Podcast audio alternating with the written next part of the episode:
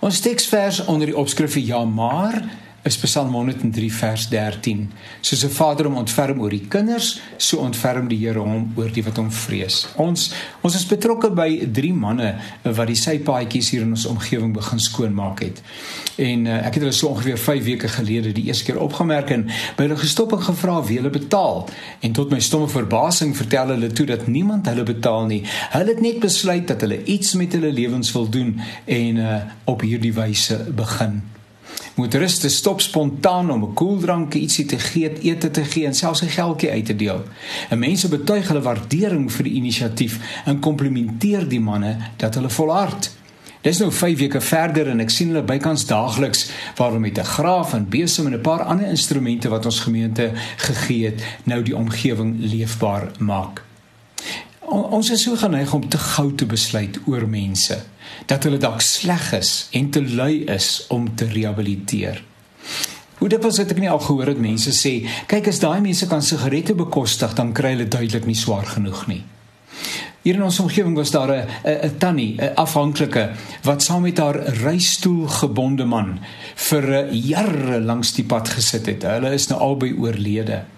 En ek hoor nou die dag dat die tannie druiwe in Woolworths gaan koop het per geleentheid.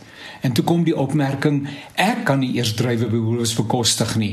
As hulle kan druiwe koop by daardie spesifieke winkel, het hulle duidelik nie nood nie. Sjoe. Ek wonder of ons nie verkeerd oordeel nie. So ongesond as wat sigarette ook al is, is dit dalk die enigste ding wat verligting, kalmte, selfs sin en betekenis bring. So as 'n druiwe byvoorbeeld by uitsoekwinkel gekoop word, kan ek dink dat die tannie dalk vir haarself gesê het en vir die oom, "Vandag bederf ek jou met 'n bietjie druiwe." In elk geval, ek het gedink as ons gee, gee ons vir die Here.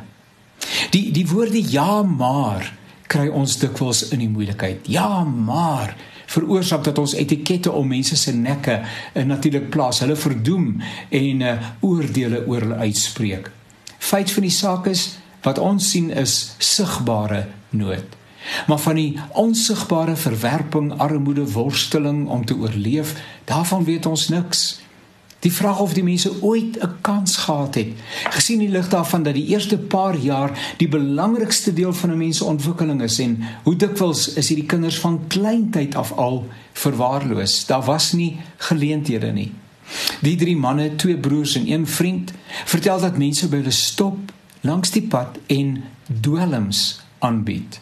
Mense in motors en bakkies Mense wat geen erg aan die rehabilitasie van hierdie stikkende mense het nie, maar 'n geldgeleentheid raak sien. Met die straatgeld wat hulle verdien, versorg die twee broers hulle moeder, betaal hulle vir hulle pa in 'n naburige shelter en help hulle die ander broer se drie kinders. Ja, maar